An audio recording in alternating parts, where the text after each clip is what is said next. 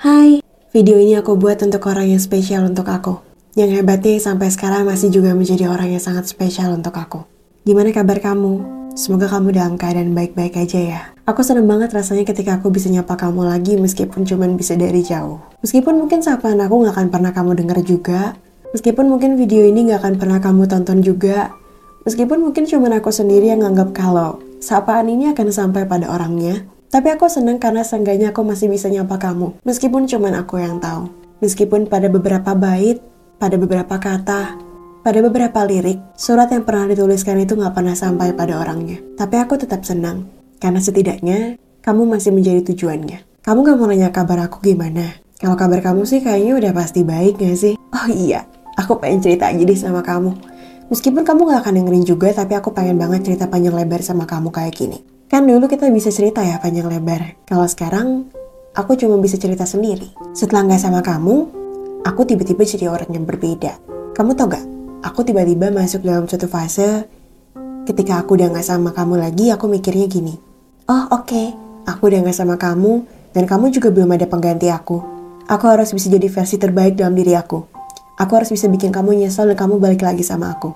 Jadi akhirnya aku pernah masuk dalam suatu kondisi ketika aku mikir Aku harus banget bisa jadi orang yang lebih baik lagi supaya kamu bakal balik sama aku. Jadi aku nge-gym, aku berusaha baca buku, aku berusaha kelihatan beda dibandingkan orang lain. Aku berusaha keras untuk menunjukkan kalau aku tuh sepantas itu buat kamu. Setelah masuk di fase itu, akhirnya aku jadi banyak mikir, kenapa ya apa yang aku lakuin kayaknya cuman sekedar sementara? Kenapa ya aku nggak lagi semangat ketika ngelakuinnya? Kenapa ya kayak gini, kenapa ya kayak gitu? Sampai akhirnya aku nggak menjadikan lagi kamu sebagai motivasi aku untuk maju. Aku berusaha keras berjuang dengan kemampuanku sendiri untuk bisa lupa sama kamu aku hebat kan? Aku bisa nyoba untuk lupa sama kamu dan aku gak ngerepotin kamu lagi. Aku berusaha keras untuk nahan jariku gak ngetik lagi tentang kamu. Aku berusaha keras untuk gak lagi nanya kabar kamu. Kamu tahu gak tadi pas aku bilang, aku berusaha keras? Iya, soalnya kadang-kadang aku masih suka mikir, Duh aku pengen banget cerita sama kamu lagi. Aku pengen banget ngobrol sama kamu. Dulu pas jam segini kita masih video call. Tapi ternyata sekarang udah enggak. Berjalan ke beberapa bulan berikutnya, yang aku tahu waktu itu kamu masih belum ada pengganti aku.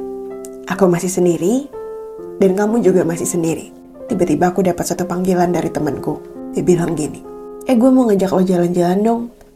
Temen yang gak deket banget sama aku ini tiba-tiba ngajak jalan. Dia perempuan, dan akhirnya aku tanya juga kenapa dia mau ngajak aku jalan.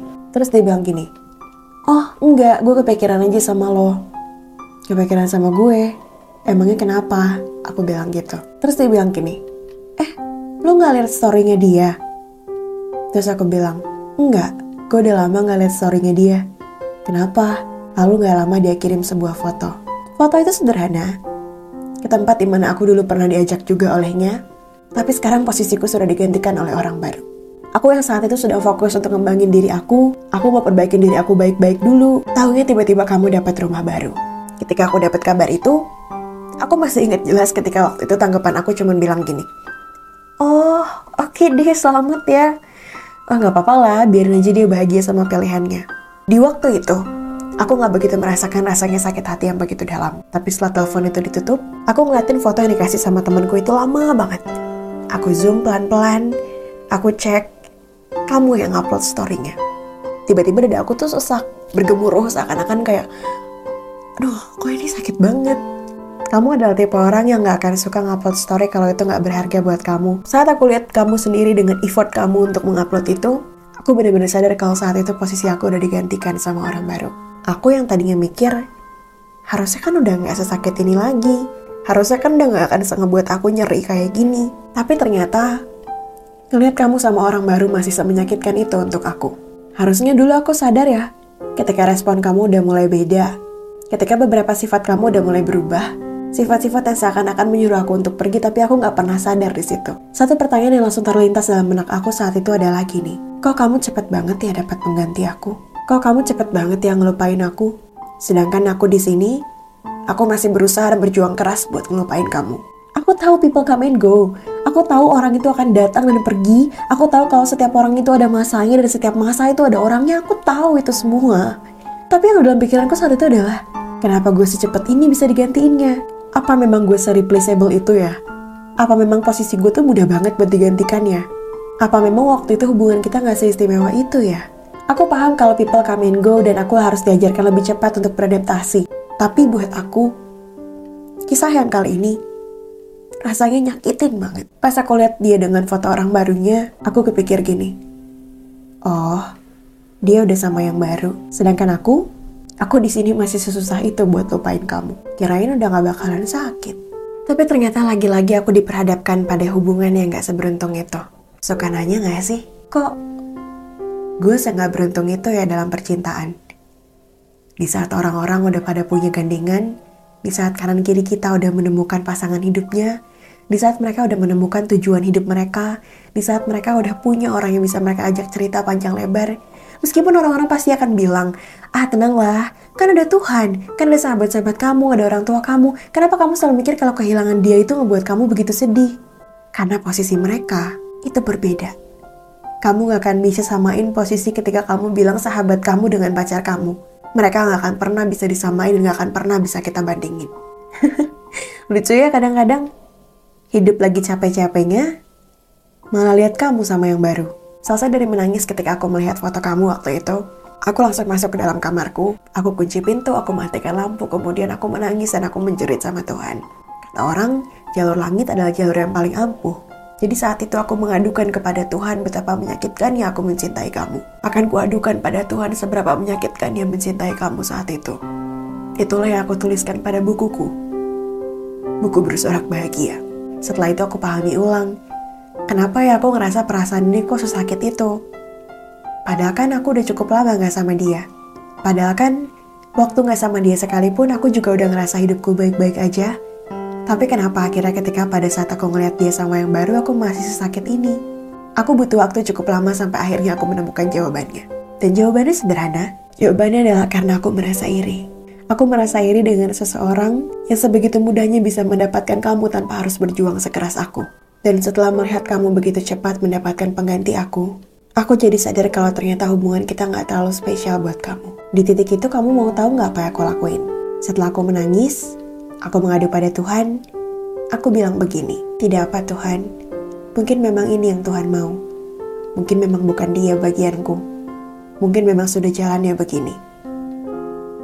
Tapi ketika aku mengadukan itu pada Tuhan dan ketika air mataku terjatuh setelah aku bercerita padanya, saat air mata itu terjatuh, aku sadar bahwa dia masih segalanya. Singkatnya begitu, ketika kita menceritakan dia pada orang lain, dan air mata kita masih menetes karena itu, dia masih segalanya untuk kita. Dan setelah itu, aku berdoa untuk kebahagiaan kamu. Aku sampaikan pada Tuhan baik-baik doa dan permohonan. Semoga kamu didatangkan seorang wanita yang begitu tulus menyayangi kamu. Semoga dia adalah orang yang bisa sesabar itu menggantikan sabarku pada kamu dulu. Semoga dia adalah wanita yang tidak mengecewakan kamu seperti aku dulu mengecewakan kamu. Dan semoga dengan wanitamu yang baru, kamu bisa menjalani kehidupanmu yang kamu lebih inginkan daripada bersama dengan aku. Mungkin ini memang yang terbaik untuk kamu, dan juga terbaik untuk aku. Tuhan baik banget ya. Aku minta bahagia, dikasihnya kamu hilang dari hidup aku. Ketika aku udah gak sama kamu, aku sadar ada beberapa orang yang berusaha keras untuk mendobrak pintu hatiku kembali. Tapi kamu tahu apa hebatnya kamu? Kamu seakan-akan masih berdiri di depan pintu dan menghalangi jalan setiap orang yang mau masuk. Aku gak pernah lagi bisa membuka atau menutup pintu itu. Di titik ketika aku melihat ada orang baru datang dalam kehidupan aku, aku cuma mikir, ini orang bakalan penasaran berapa lama ya?